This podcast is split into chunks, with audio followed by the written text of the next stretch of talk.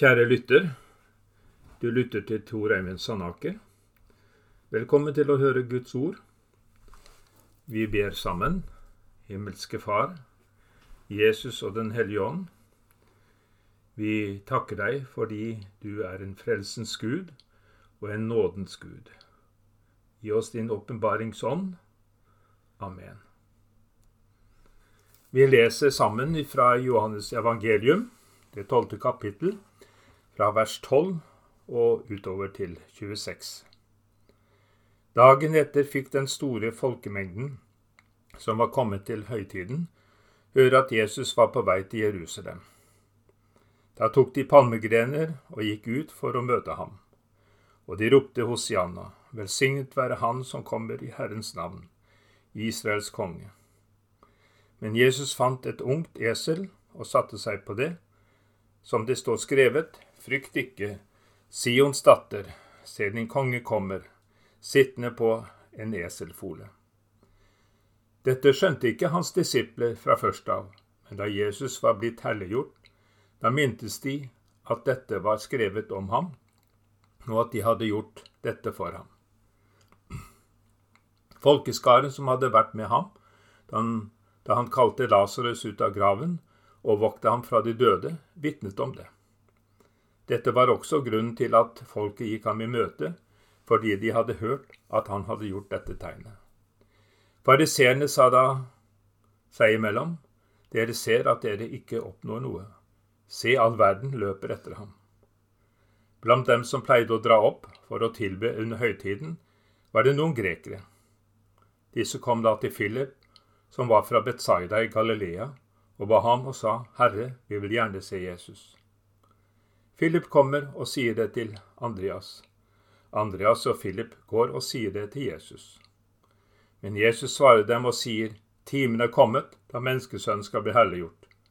Sannelig, sannelig, sier jeg dere, hvis ikke hvetekornet faller i jorden og dør, blir det bare det ene kornet, men hvis det dør, bærer det mye frukt. Den som elsker sitt liv, skal miste det, men den som hater sitt liv i denne verden, skal bevare det til evig liv. Den som vil tjene meg, han må følge meg. Der jeg er, der skal også min tjener være. Om noen tjener meg, ham skal Faderen ære. Jesus rir inn i Jerusalem, og påsken på den største høytid står for døren. Jesus er på vei til Jerusalem sammen med sine disipler.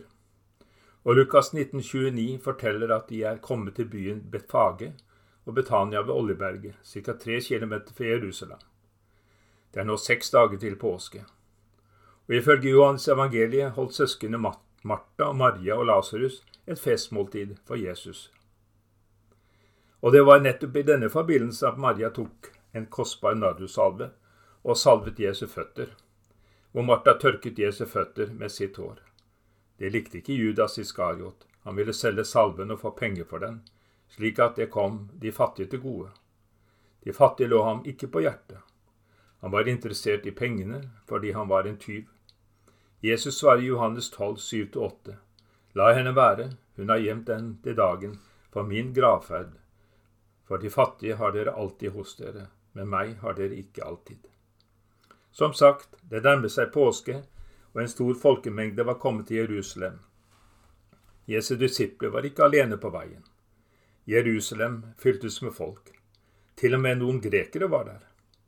Jesus er nå i ferd med å fortelle offentligheten at han er Messias, og to av hans disipler får oppgaven med å finne et ridedyr som Herren hadde bruk for. De finner en eselfole som de tok med til Jesus, og det er en tydelig og avgjørende forskjell på hva folket tenkte om Messias, og hva Jesus tenkte om seg selv. Det er folkets politiske oppfatning av Messias' gjerning som tidligere hadde fått Jesus til å avvise enhver hyllest om konge. Folkemengden gikk Jesus i møte fordi de hadde hørt at Jesus hadde kalt Lasarus ut av graven. Og fariseerne de tolererte ikke folkemengden, at den var så begeistret for Jesus. Nå vil Jesus markere hva slags konge han er. Han ber om en eselfole, altså et ungt esel. Det er på et trelldyr han rir i Jerusalem. Og det passer på Jesus, som selv er tjener. Og Jesajas 41, 41,1 Se min tjener, som jeg støtter, min utvalgte, som min sjel har velbehag i. Jeg legger min ånd på ham, han skal føre rett ut til hedningefolkene. Og likedan i Zakaria 9,9, som du finner i Matteus også, 21,5. Si til Sions datter, se din konge kommer til deg, saktmodig, ridende på et esel, på trelldyrets fole. I Johannes 1836 så svarte Jesus Pilatus, Mitt rike er ikke av denne verden. Var mitt rike av denne verden, da hadde mine tjenere kjempet, så jeg ikke skulle bli overgitt til jødene. Men nå er mitt rike ikke av denne verden. Skriften oppfylles i Matteus 21,4, og det er det som skjer. Men dette skjedde for at, skulle, for, for, unnskyld, for at det skulle bli oppfylt som var sagt ved profetene. Det som skjer, er lagt til rette av Gud.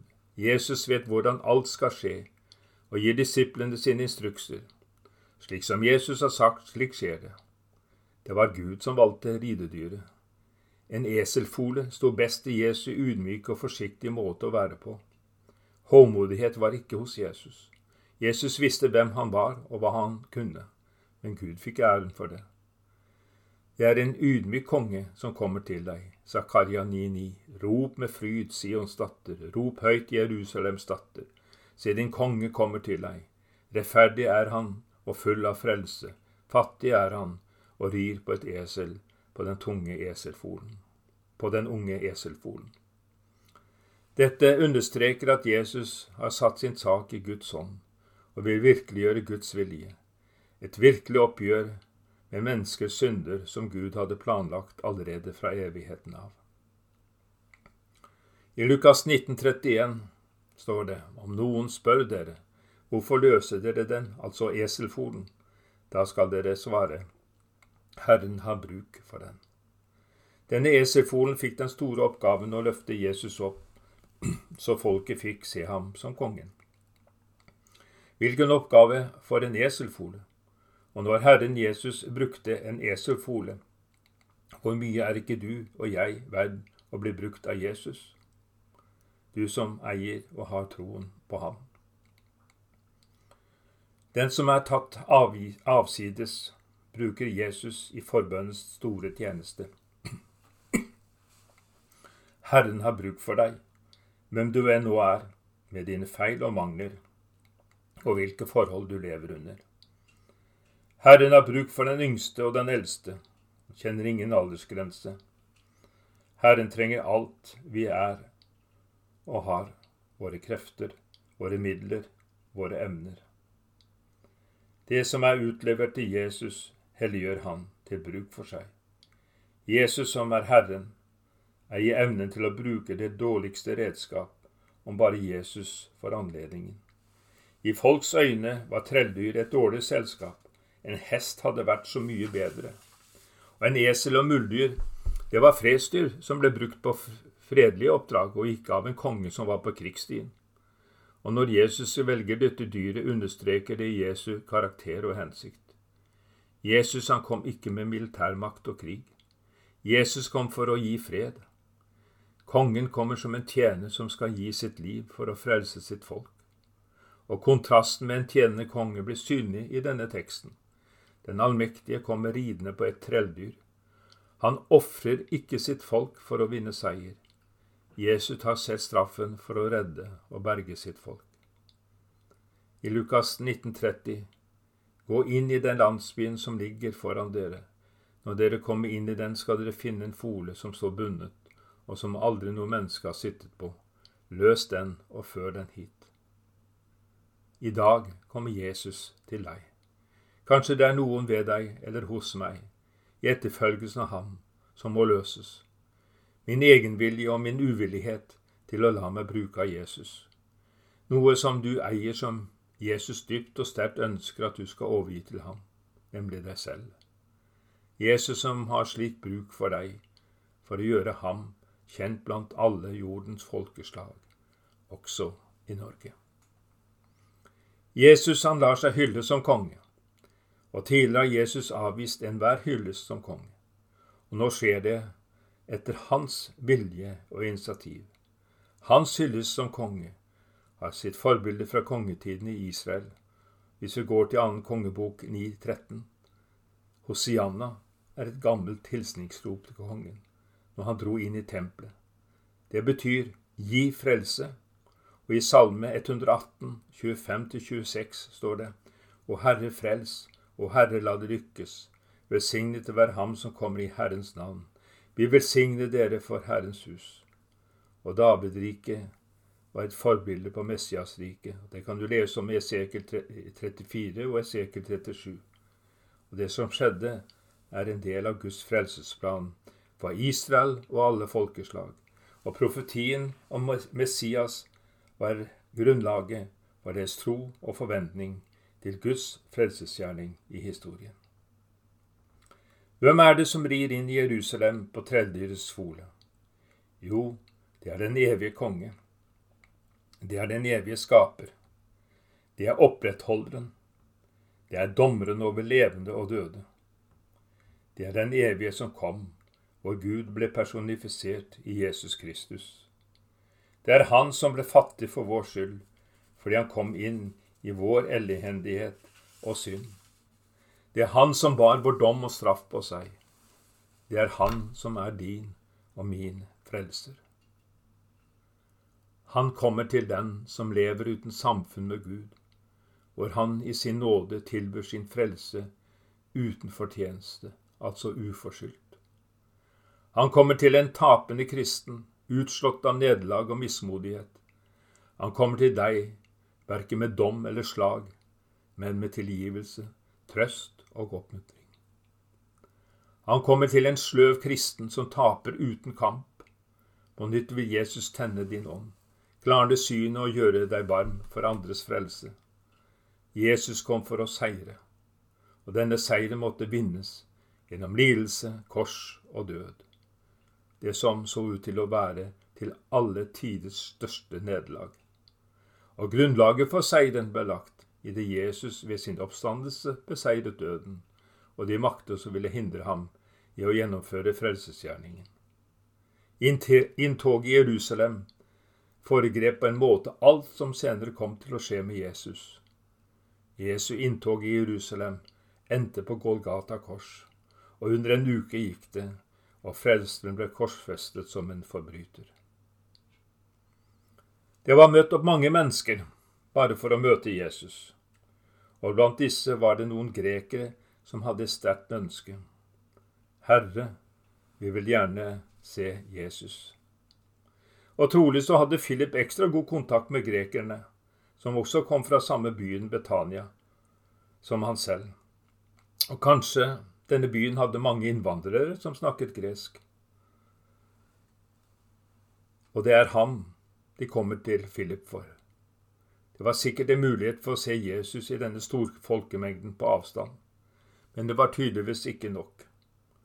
Den måten som de uttrykker seg på, så ønsker de et personlig møte med Jesus. Altså, her er det grekere som interesserte seg helt personlig for Jesus. Så er det at Philip rådfører seg med broren sin Andreas, og sammen så går de til Jesus for å legge fram grekernes ønske.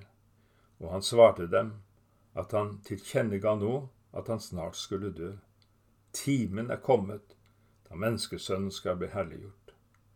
Nå er tiden inne at det skulle åpenbares at Jesus er guddommelig. Nå er tiden kommet at Jesus skulle dø, både for jøder og grekere, ja, for alle folkeslag. Da Jesus så grekerne, så var det et nytt tegn på at nå var tiden inne å fullføre frelsesoppdraget. Frelse et folk ifra syndens makt og herredømme, og sette det inn i det fullkomne i frihet. Jesu herliggjørelse går gjennom døden. Timen er kommet. Jesus uttrykker her at målet er korset og oppstandelse for hans livsreise. Timen, da skal det skje som Jesus er kommet for å fullføre.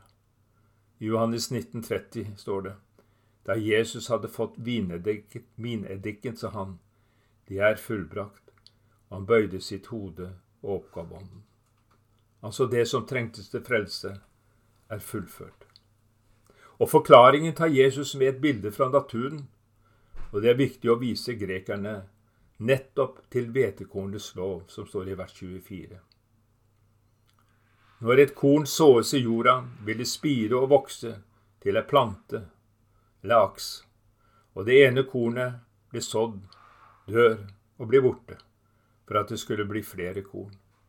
Hvetekornets lov i naturens verden gjelder også Guds rike. Det som skjer med hvetekornet, det er et under. Vi skal slippe å tro at et lite frø kan bli en blomst eller et stort tre, fordi vi ser det hele tiden i naturen. Her gir Jesus svaret. Det liv som måtte dø, ble til liv for mange mennesker. Underforstått at det skal bli en rik avling. Mange skal høstes for evangeliet. Jesus viser veien for alle mennesker, for dem som vil møte ham gjennom sitt fullførte frelsesverk på Golgata. Jesus er livets opphav, og han er livet. Og det å komme til tro på Jesus er å gå inn under hvetekornets lov. Det er ved å miste sitt liv man finner det. Det er ved å risikere å bli utstøtt at man får erfare Jesu nærvær. Ved Guds ånd så er ønsket fra grekerne blitt bevirket slik. Herre, vi vil gjerne se Jesus. Og enda mer personlig, Herre, jeg vil gjerne se Jesus. Er dette mitt ønske? er grekernes ønske mitt ønske. Det går mennesker iblant oss som ikke har oppdaget Jesus. De søker andre kilder, og Jesus ikke er å finne. Hvor er din kilde?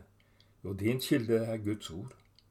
Mange mennesker vet ikke hvem Jesus er. Mange mennesker vet noe om Jesus, men få kjenner Jesus. Hvordan blir mennesker kjent med hverandre? Jo, det er å være sammen med dem. Og for å bli kjent med hverandre må vi snakke med hverandre. Vi må snakke sammen. På den måten får vi kjennskap, og vi lærer hverandre bedre å kjenne. Dette kan ta tid.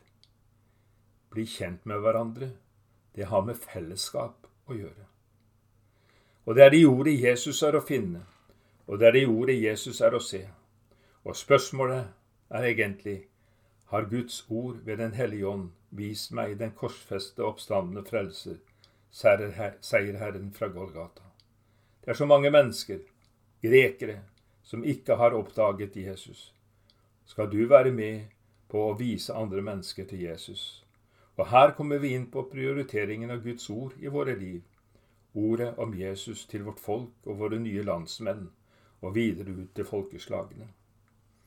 Romerbrevet 10, 17 sier, så kommer da troen av forkynnelsen som en hører, og forkynnelsen som en hører, kommer ved Kristi ord. Er jeg villig til å dø fra meg selv, slik at andre får høre om Jesus? Jeg har nevnt tidligere, er det noe ved meg eller hos meg i etterfølgelsen av Jesus som må løses? Min egenvilje, uvillighet til å la meg bruke av Jesus? Jesus, han kjenner deg. Han vet om dine svikt, feil, mangler og nederlag, både overfor Gud og mennesker. Jesus han kommer ikke med anklage eller dom, heller ikke med bud og krav. Jesus han kommer med sin frelsesgave, og gaven er først og fremst han selv, som er tilgivelsens nåde. Johannes 17, 17,3 sier, Og dette er det evige liv, at de kjenner deg, den eneste sanne Gud, og ham du utsendte Jesus Kristus. Jesus, han er her i dag og tar imot deg. Og så kan vi ta med en refleksjon og et spørsmål helt til slutt. Nye kristne blir forfulgt i mange deler av verden. De vinner livet gjennom å miste det. Og spørsmålet er da hvordan kan hvetekornets lov fungere i en kristens liv hos oss? Amen.